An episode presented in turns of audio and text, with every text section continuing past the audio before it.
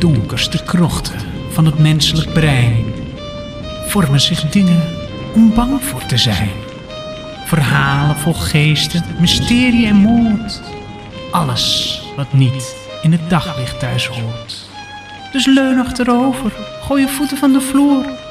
Maar wees op je hoede, want horror ligt op de loer.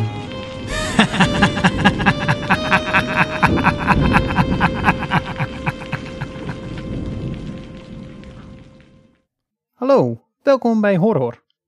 Jij bent een nieuwe luisteraar, want je begint bij de eerste aflevering. Op het moment dat ik dit inspreek, eh, zitten we al op aflevering 24, dus ik ben al mm, bijna een jaar verder. Eh, je gaat dan ook merken dat deze aflevering die je nu gaat luisteren in geluidskwaliteit en consistentie een beetje aan de matige kant is nog. Dit was voor het eerst dat ik begon met het opnemen van een podcast, dus ja, neem het me alsjeblieft niet kwalijk. Vandaar dat ik even dit stukje achteraf nog toe heb gevoegd. Ehm, ja, uh, vanaf aflevering 8 wordt de geluidskwaliteit een stuk beter. Toen snapte ik uh, instellingen van de microfoon wat beter. En vanaf aflevering 13, als ik het goed zeg, had ik een nog betere microfoon gekocht. Dus stoor je alsjeblieft niet veel aan de geluidskwaliteit en geniet gewoon lekker van het verhaal. Veel plezier. Hallo luisteraars, welkom bij Horror. Dit is de eerste aflevering.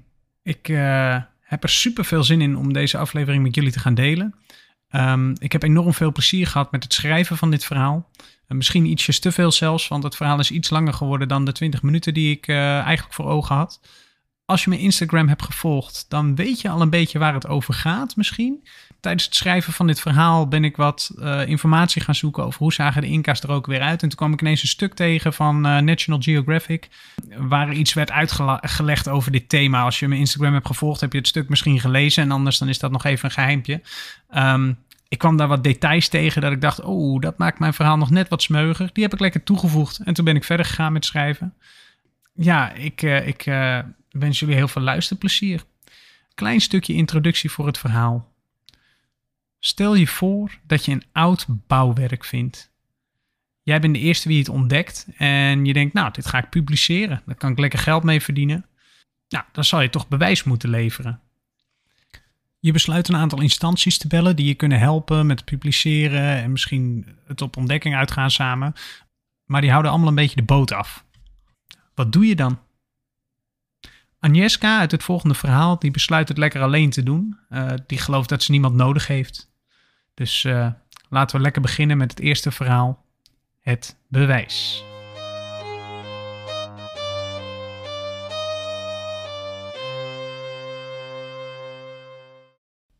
De riemen van haar rugzak snijden in haar schouders. Nu is haar rugzak nog leeg, maar ze weet zeker dat ze met een gevulde rugzak terug naar huis zal keren. Agnieszka veegt met een trillende hand het zweet van haar voorhoofd. De dikke lage zwarte make-up die ze eerder die dag heeft opgedaan vormen grote zwarte vlekken rond haar ogen. Ze kijkt op haar kaart. Ze zou er nu toch bijna moeten zijn. Nog even volhouden, denkt ze.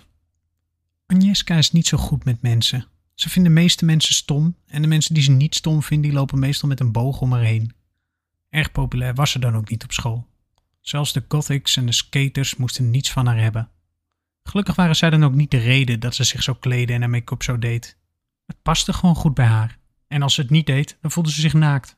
Nu ze is afgestudeerd en officieel archeologe is, heeft ze besloten haar kennis te gebruiken om serieus geld te gaan verdienen.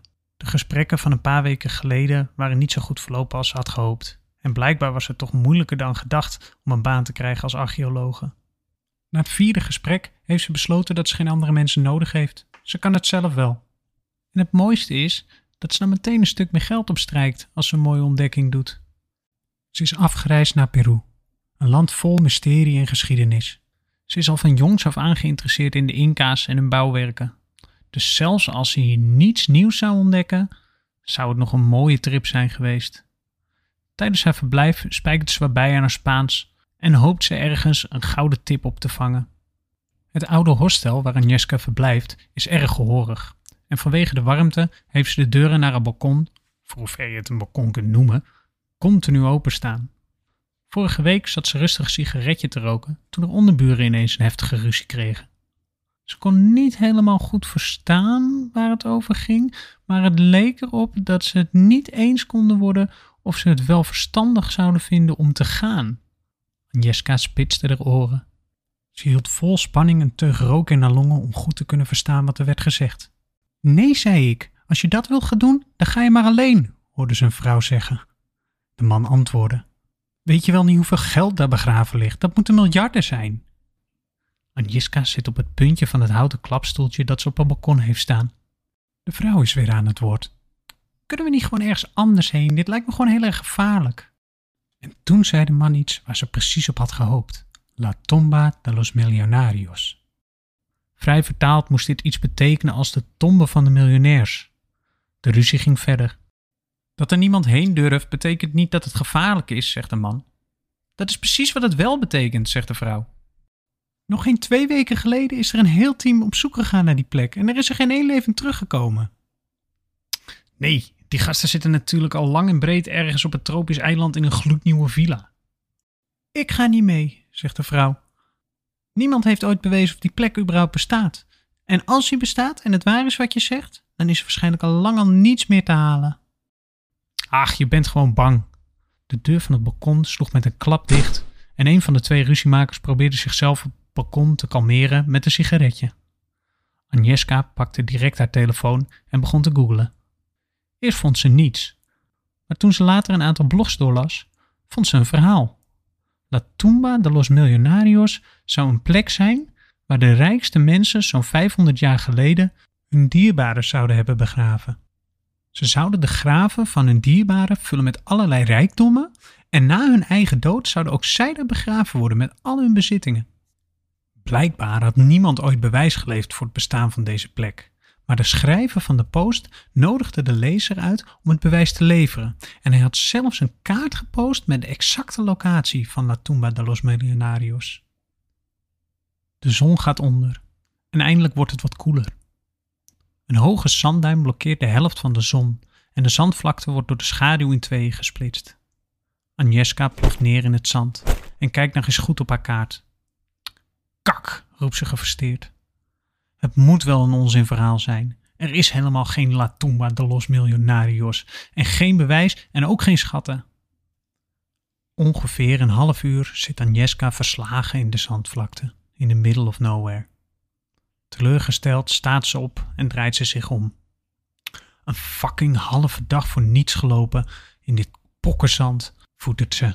En nu dat hele teringeind weer teruglopen. De zon is inmiddels volledig ondergegaan en Agnieszka schokt op ongeveer het halve tempo van de heenweg terug naar waar ze vandaan kwam. Het wordt al snel donker, maar de maan en de sterren geven voldoende licht om te zien of er al een eind aan de zandvlakte komt. Dan ziet ze in de verte de lucht kleuren. Licht? denkt Agnieszka. Zou het dan toch? Agnieszka versnelt haar pas en loopt op het licht af. Na een minuut of tien ziet Agnieszka de kop van een stenen standbeeld. Het lijkt een soort drakenkop en in de bek brandt een fakkel. Haar hartslag versnelt en op haar gezicht vormt zich een grijns van oor tot oor. Ineens voelen haar benen niet zo zwaar meer en ze begint te rennen. In de zandvlakte ligt een enorm dal. Midden in het dal staat een stenen bouwwerk, wat duidelijk honderden jaren oud is. Het is een rechthoekig bouwwerk dat ongeveer 100 meter de verte instrekt en ongeveer 30 meter breed is. Het is niet echt een gebouw, maar meer een soort stenen plein waar muren omheen zijn gebouwd, die met de prachtigste beelden zijn versierd. Langs de muren zijn aan de kant van het plein diverse kleine huisjes gebouwd, die er allemaal anders uitzien. Hier heeft ze wel eens wat over gelezen. Een mausoleum is een bovengronds graf. Hierin werden alleen de rijkste en de meest invloedrijke mensen begraven. De mausolea staan vaak op een grafkelder, waar soms de hele familie in begraven ligt. Agnieszka rent het dal in, naar de grote opening aan de korte kant van het bouwwerk. Er loopt geen pad naar het bouwwerk toe, maar direct onder de twee stenen draken die de toegang tot het plein vormen, verandert het zand in grijze keien die het begin van het grote plein vormen. Agnieszka kiept haar hoofd zo ver als ze kan naar achteren terwijl ze het plein oploopt. Ze kijkt tegen de onderkant van de grote drakenkop aan. Ze ziet het licht van de fakkels op de gehemelte van de draken vallen. Dan kijkt ze voor zich. Helemaal aan het eind van het plein pronkt de grote draak die ze eerder al zag. Als ze om zich heen kijkt, ziet ze dat uit de muren diverse dieren zijn gehouden. Ieder dier heeft een fakkel in zijn bek. Het flakkerende licht van de fakkels zorgt dat er een prachtig spel ontstaat van licht en schaduw op de grijze keien. De schaduwen zijn voortdurend in beweging en daardoor lijkt het alsof de schaduw van Agnieszka niet de enige schaduw is die zichzelf een weg probeert te banen over het plein. Zo'n 60 meter verderop op het plein staat een grote ronde fontein. In het midden van het water komt een standbeeld omhoog, waar een stuk of 10, 15 slangen in elkaar verstrengeld zitten en allemaal met een open bek een andere kant op kijken. Vroeger zal er waarschijnlijk water uit de bekken hebben gespoten, maar nu doet de fontein helemaal niets meer. Agnieszka ploft opgelucht neer op de rand van de stenen fontein en neemt het prachtige schouwspel van de schaduwen die in beweging zijn in zich op. Toch snapt ze het niet. Hoe kan een plein van dit formaat, dat volledig verlicht is en niet eens onder het zand verborgen is, nou nog nooit zijn ontdekt? Of, of hoe kan het nou in ieder geval dat er geen bewijs voor is? Er zijn blijkbaar toch echt mensen die van het bestaan afweten. Hoe kwam ze anders aan die kaart? Kalm kijkt Agnieszka om zich heen. Ze is niet bang aangelegd. Ze is ervan overtuigd dat de meeste wezens banger zijn voor haar dan zij voor hen. Ineens schiet er een schaduw voor de langs. Als ze kijkt waar de schaduw heen gaat, ziet ze niets. Het leek echt alsof er iemand voorbij liep. Agnieszka knijpt met haar ogen en kijkt nog eens goed. Maar ze ziet niets. Hierheen. Agnieszka schrikt. Het klinkt alsof er iemand van heel dichtbij in haar oor fluistert. Even bevriezen en dan kijkt ze om. Ze ziet nog steeds niets. Ik word gek, zegt ze zachtjes tegen zichzelf. Agnieszka kijkt op haar horloge. Misschien is het beter om te gaan. Ze doet haar rugzak om en loopt richting de doorgang. Voordat ze tussen de twee draken doorloopt, voelt ze in haar kontzak om met de mobiel nog even snel een foto te schieten. Shit! Onrustig kijkt ze om zich heen. Fuck, waar is dat ding? De fontein! Daar moet hij liggen. In een versnelde pas loopt ze naar de fontein. Op de rand ziet ze niets, maar in de fontein ziet ze het rode lampje van een mobiel knipperen dat aangeeft dat de batterij bijna leeg is. Kak! Ze stroopt een mouw op en steekt haar arm in het water. Ze moet op haar buik op de rand van de fontein gaan liggen om bij haar mobiel te kunnen. Terwijl ze haar hoofd wegdraait om te voorkomen dat haar haar in de fontein valt, tast ze over de bodem.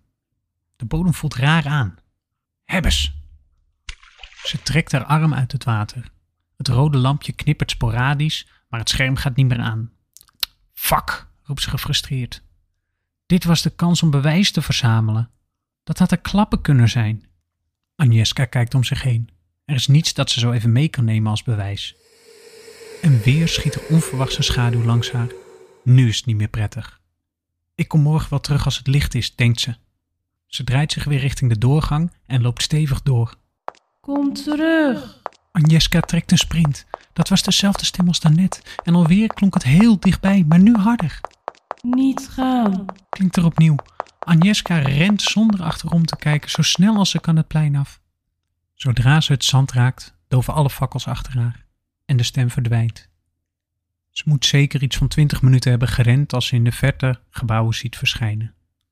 Ze kijkt angstig achterom. Gelukkig, niets is haar gevolgd. Ze staat te trillen op haar benen en een traan rolt van opluchting over haar wang.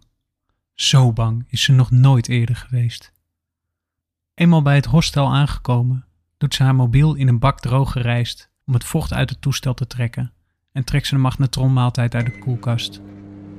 Die nacht slaapt ze slecht. Steeds denkt ze dat ze de stem weer hoort. Steeds denkt ze dat ze de schaduwen in haar kamer op onverklaarbare manieren ziet bewegen. Agnieszka opent haar ogen. De zon schijnt door haar open balkondeuren de kamer in. Agnieszka grijpt met haar hand op het nachtkastje om de wekker uit te zetten. Oh ja, zegt ze zachtjes. En kreunend stapt ze haar bed uit.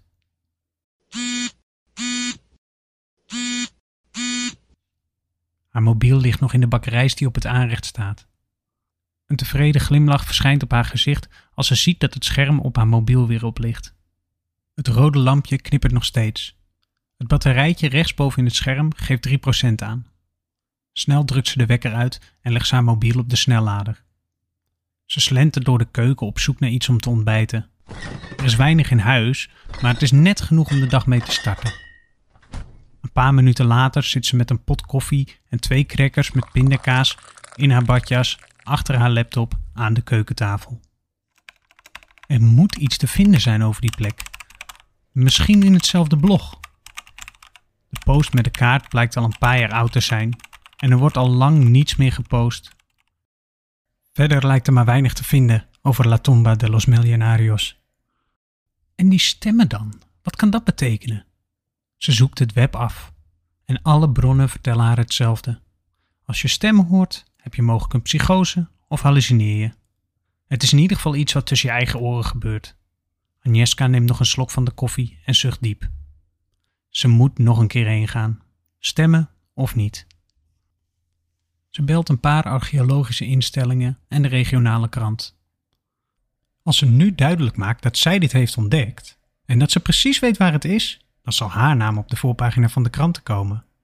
Dit zal dan haar eerste ontdekking zijn en misschien wel de doorbraak. Ze hangt onhandig met één schouder tegen de muur om te zorgen dat de mobiel aan de lade blijft. Ja, hallo, u spreekt met Agnieszka Pandan. Ehm, ik bel u met groot nieuws. Ik heb een historisch bouwwerk ontdekt dat zeker 400 of 500 jaar oud is en waar we eerder nog geen bewijs voor hebben geleverd. De vrouw aan de andere kant van de lijn begint te lachen. Dat lijkt me sterk, mevrouw, maar vertelt u gerust wat u heeft gevonden.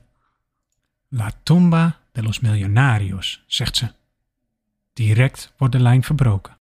Beledigd kijkt Agnieszka naar de mobiel. Ze belt nog een paar nummers, maar dit tafereel lijkt zich elke keer precies hetzelfde te herhalen.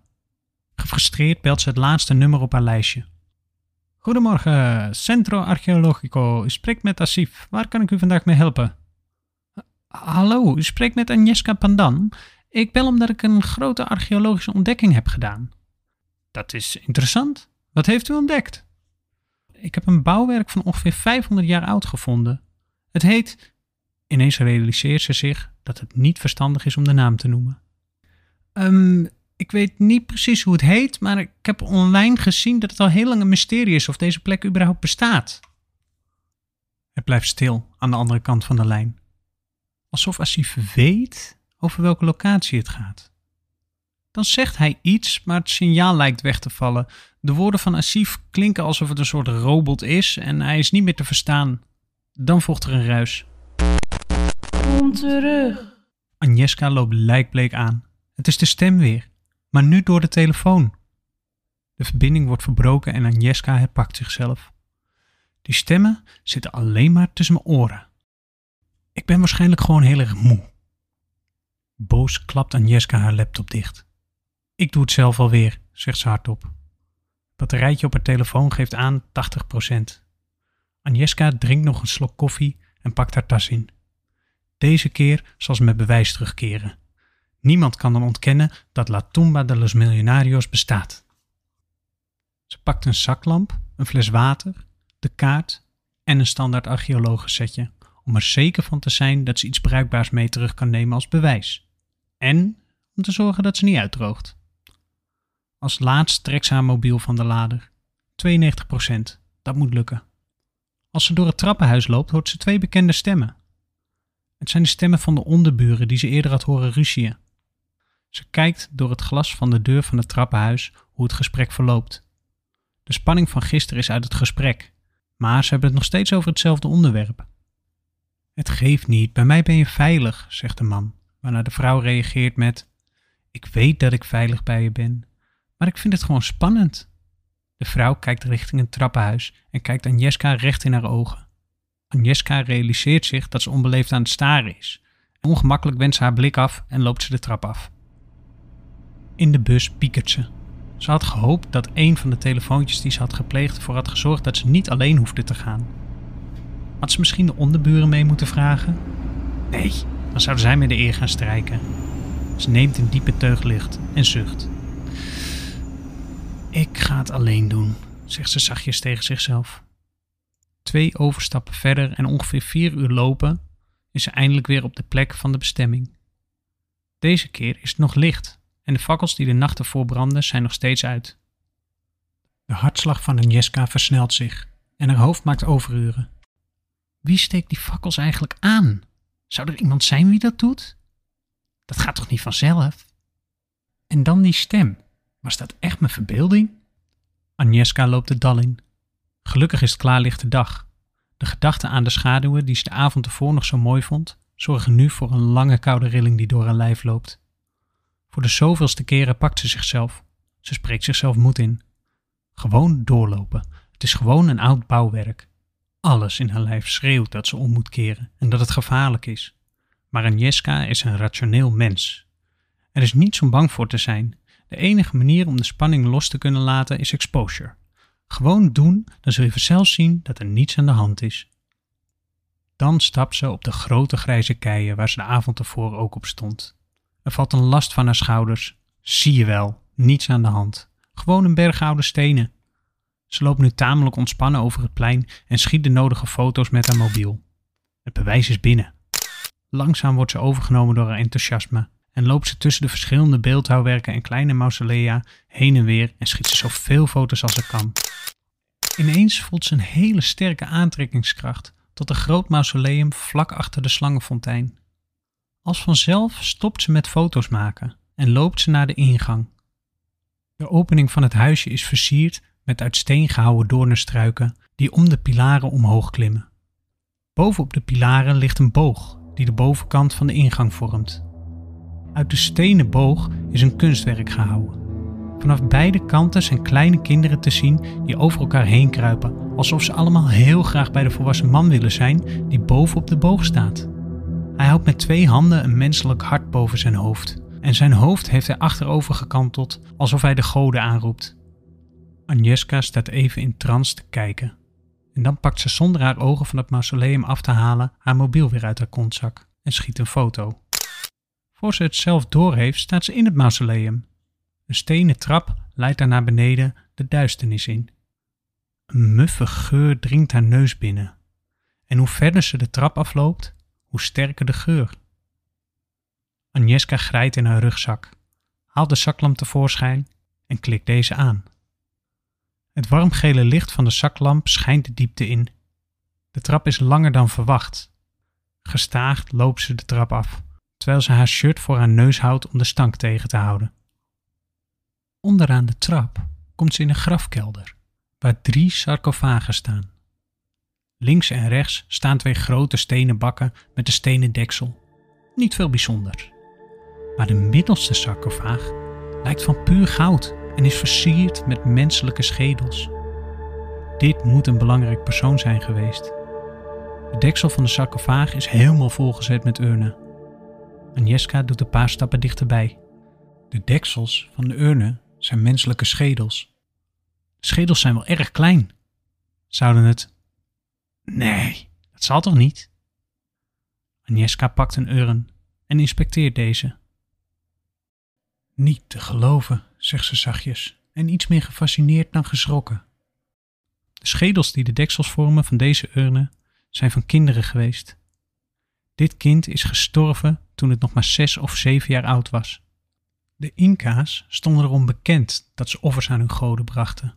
Maar om van zo dichtbij de schedel van een klein kind te zien en te weten dat het doodsbang moet zijn geweest terwijl het stierf om de goden te prijzen, hier was Agnieszka even niet op berekend. Beduust staat ze voor zich uit. Als ze de urn terugzet, stoot ze per ongeluk een andere urn om. Deze valt met een luide klap kapot op de stenen vloer. Agnieszka schrikt zich een ongeluk. Haar hart zit in haar keel en snel schijnt ze op de vloer, waar een kleine schedel tegen een sarcofaag rolt en tot stilstand komt. Een dikke laag as ligt tussen de gebroken stukken aardewerk. Agnieszka knijpt met haar ogen. Er ligt iets tussen de as. Agnieszka pakt haar troffel uit haar tas en stoft het af. Het is een hart, een menselijk hart. En het is maar een kleintje. Dit moet het hart zijn geweest van het kind waarvan de schedel nu tegen de sarcofaag rust. Dat verklaart de geur, denkt ze. Zonder verder na te denken knielt ze op de grond en ruikt ze voorzichtig aan het kleine hartje. Nee, dit is het niet. Het hartje heeft wel een naar geurtje, maar het is niet zo penetrant als de lucht die de grafkelder vult. Dan hoort ze ineens het gezoem van vliegen. Voorzichtig stapt Agnieszka over het as heen en ze kijkt achter de sarcofaag. De geur is niet meer te houden als ze met haar hoofd over de rand van een stenen muurtje naar beneden kijkt. Ze kijkt een diepe put in, waarvan de bodem bezaaid ligt met menselijke botten. Bovenop liggen een paar verse lijken, zonder hoofd en met een gapend gat in de borst waar het hart zou moeten zitten. Duizenden dikke vliegen doen zich te goed aan het vlees dat in verre staat van ontbinding is. Dit moet het team zijn waar de onderburen het over hadden. Agnieszka draait haar hoofd boven de put weg en gaat direct over haar nek, boven de gebroken urn. Dit wordt haar echt te veel. Zo snel ze kan pakt ze haar zaklamp van de grond en rent ze naar de trap. Niet gaan. Klinkt er ineens in haar oor. Het is de stem weer. Agnieszka kijkt geen moment om en rent de trap op. Ze hoopt aan het eind van de trap daglicht te zien, maar in plaats daarvan ziet ze hetzelfde flakkerende licht van de fakkels dat ze de avond daarvoor zag. Als ze het mausoleum uitrent, ziet ze dat de zon heeft plaatsgemaakt voor de maan. Zonder verder over het plotselinge verdwijnen van de zon na te denken, draait ze zich richting de uitgang en kijkt ze richting de fontein. Ze bevriest als ze aan weerszijden van de fontein twee jonge vrouwen ziet staan die duidelijk niet uit deze tijd komen. Lange zwarte haren hangen langs hun gezicht en een stoffen band zit om hun hoofd.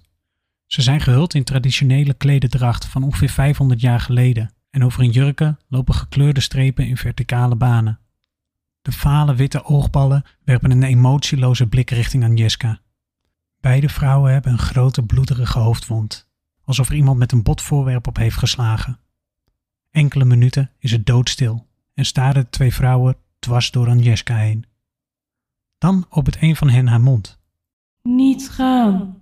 Het is de stem weer en nu komt hij uit de vrouw die nog steeds dwars door haar heen staart. We hebben je nodig. Op de rand van de fontein verschijnen twee handen waar het bloed van afdruipt. Uit de fontein komt langzaam een hoofd naar boven, gevolgd door een lichaam van een man. Het water in de fontein moet in bloed veranderd zijn, want de man is doordrenkt met het bloed. Het overtollige bloed stroomt langzaam de fontein weer in als de man uit de fontein klimt en op de rand gaat staan.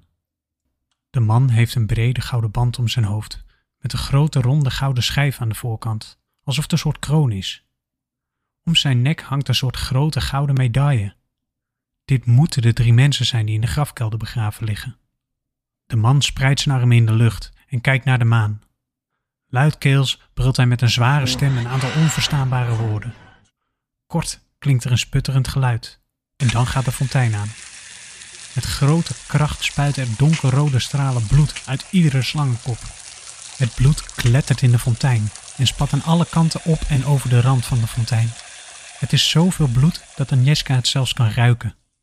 Nog steeds verstijfd van angst spelen alle mogelijke scenario's in het hoofd van Agnieszka zich af. Ze moet rennen, maar de drie figuren staan tussen haar en de enige doorgang in. De knokkels van haar rechterhand worden wit als ze zo hard als ze kan in de zaklamp knijpt. Ze maakt zich klaar om te gaan rennen en een roei uit te delen met de zaklamp als dat nodig is. Net voor ze haar sprint inzet, komt er nog een hand uit de fontein. Het is een kinderhand. Al snel volgen er meer. Als de kinderen uit de fontein klimmen, ziet ze dat geen van de kinderen een hoofd op de heeft. Vlak onder het borstbeen van ieder lichaampje zit een grote open wond, net als bij de lijken die ze eerder in de put zag. Beide vrouwen tillen in een langzame beweging een arm op en wijzen naar een Jeska, terwijl ze nog steeds dwars door haar heen staren. De man verandert zijn houding niet en begint steeds dramatischer te schreeuwen. Alsof er een startsein is gegeven, beginnen de bebloede, hoofdloze kinderlijfjes over elkaar heen te kruipen, terwijl ze zo snel mogelijk in de richting van Agnieszka bewegen. De vechtstand waar Agnieszka zich zojuist met de grootste moeite in heeft weten te zetten, verandert binnen no time in een vluchtstand. Ze laat haar zaklamp vallen, draait zich om en begint te rennen. De hoofdloze kinderen zijn sneller dan ze dacht. De afstand tussen haar en haar belagers wordt steeds kleiner en kleiner. Terwijl ze rent, zoekt ze naar een mogelijke uitweg. De draak die aan het eind van het plein staat, lijkt te beklimmen te zijn. Net voordat de kleine handjes haar kunnen pakken, weet ze tegen de grijze stenen op te klimmen. De kinderen rennen tegen de muur aan en klimmen op elkaar om achter Agnieszka aan te gaan. De fontein is nog lang niet leeg. Het bloed spuit alle kanten op en er klimmen nog steeds meer en meer kinderlijfjes uit de fontein het plein op. Terwijl ze stevig doorklimt, ziet Agnieszka het eind dichterbij komen. Net onder de kin van de draak bevindt zich een oppervlak waar ze op kan gaan staan. Ze grijpt met haar handen over de rand en trekt zich op het plateau. Ze kijkt achter zich of de kinderen haar nog steeds volgen. De stapel kinderen wordt hoger en hoger. Ze moet opschieten. Dan kijkt ze voor zich. De man met de medaille om zijn nek staat neus aan neus met haar. Hij kijkt dwars door haar heen. Agnieszka schrikt en zet een stap naar achteren. Ze glijdt met haar voet over de rand en valt achterover in de berg met kinderen. En dan wordt het zwart. Ze heeft iets geraakt met haar hoofd. Ze voelt nog wel hoe de vele handjes zich om haar enkels, polsen en in haar haren grijpen, terwijl ze haar over de keien slepen. Dan hoort ze stemmen in de verte. Zie je wel dat het bestaat? Ja, ik zie het. Het is geweldig. Alles wat we nu nog nodig hebben is wat bewijs. Het zijn de onderburen. Agnieszka wil hem hulp roepen, maar ze krijgt geen geluid uit haar keel. Ze wil ze waarschuwen, ze wil schreeuwen dat ze weg moeten gaan en dat het gevaarlijk is, maar het lukt haar niet om ook maar het kleinste geluid uit haar keel te krijgen. Ze voelt dat ze de grafkelder wordt ingetrokken en dat haar achterhoofd op rap tempo de treden van de trap raakt terwijl dit gebeurt. Ze ruikt de geur van rottend vlees en voelt nog net hoe de scherpe nagels van een kinderhandje zich onder haar borstbeen dwars door haar huid heen boren. Het handje grijpt om haar hart en knijpt erin. En dan voelt ze niets meer.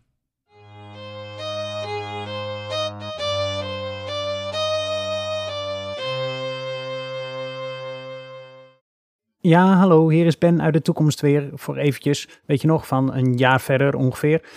Ehm, omdat dit nieuw voor mij was, vergat ik een aantal dingen te vertellen. Dat doe ik bij deze even voordat ik de originele outro ga laten spelen. Klik in je podcast-app eventjes op het volgknopje. Dan word je herinnerd dat er over twee weken weer een nieuwe aflevering is. Volg me op Instagram, horrorpod. En deel alsjeblieft met zoveel mogelijk mensen hoe tof je deze podcast vindt. Uh, deel het op je Instagram, Reels, Stories, uh, roep het allemaal maar. Bereik zoveel mogelijk mensen met dit bericht, zodat wij samen, jij en ik, ervoor kunnen zorgen dat er nog meer mensen van deze verhalen gaan genieten. Nou, dat gezegd hebbende, weer terug naar Ben uit het verleden. Doei! Zo, nou, dat was hem. Het eerste verhaal. Ik hoop dat uh, jullie het een mooi verhaal vonden. We zitten nu uh, even over de 30 minuten, uh, als ik alles bij elkaar optel. Stiekem weet ik al dat mijn volgende verhaal ook best wel lang is. Ja, laten we dan maar zeggen dat we minimaal 20 minuten aanhouden. Ik denk dat dat misschien een goed idee is. Ik heb nog even een en ander teruggeluisterd natuurlijk met het editen. En ik kom er al achter dat mijn intro best wel snel aan elkaar gepraat is. Dat is mijn enthousiasme, denk ik vooral. Ik uh, zal in het vervolg proberen iets rustiger te praten. Misschien is dat iets prettiger om naar te luisteren. Geef me vooral mijn feedback. Uh, dan kan ik daar wat mee en dan kan ik rekening houden met de luisteraars. Vergeet me vooral niet te volgen op Instagram Horhoorpot en op Twitter Horhoorpot. En dan kun je op de hoogte worden gehouden van alle updates en hoe de volgende aflevering verloopt en wanneer die wordt gepost, et cetera, et cetera. En als laatste wil ik nog even zeggen, wees op je hoede, want hoor hoor ligt op de loer.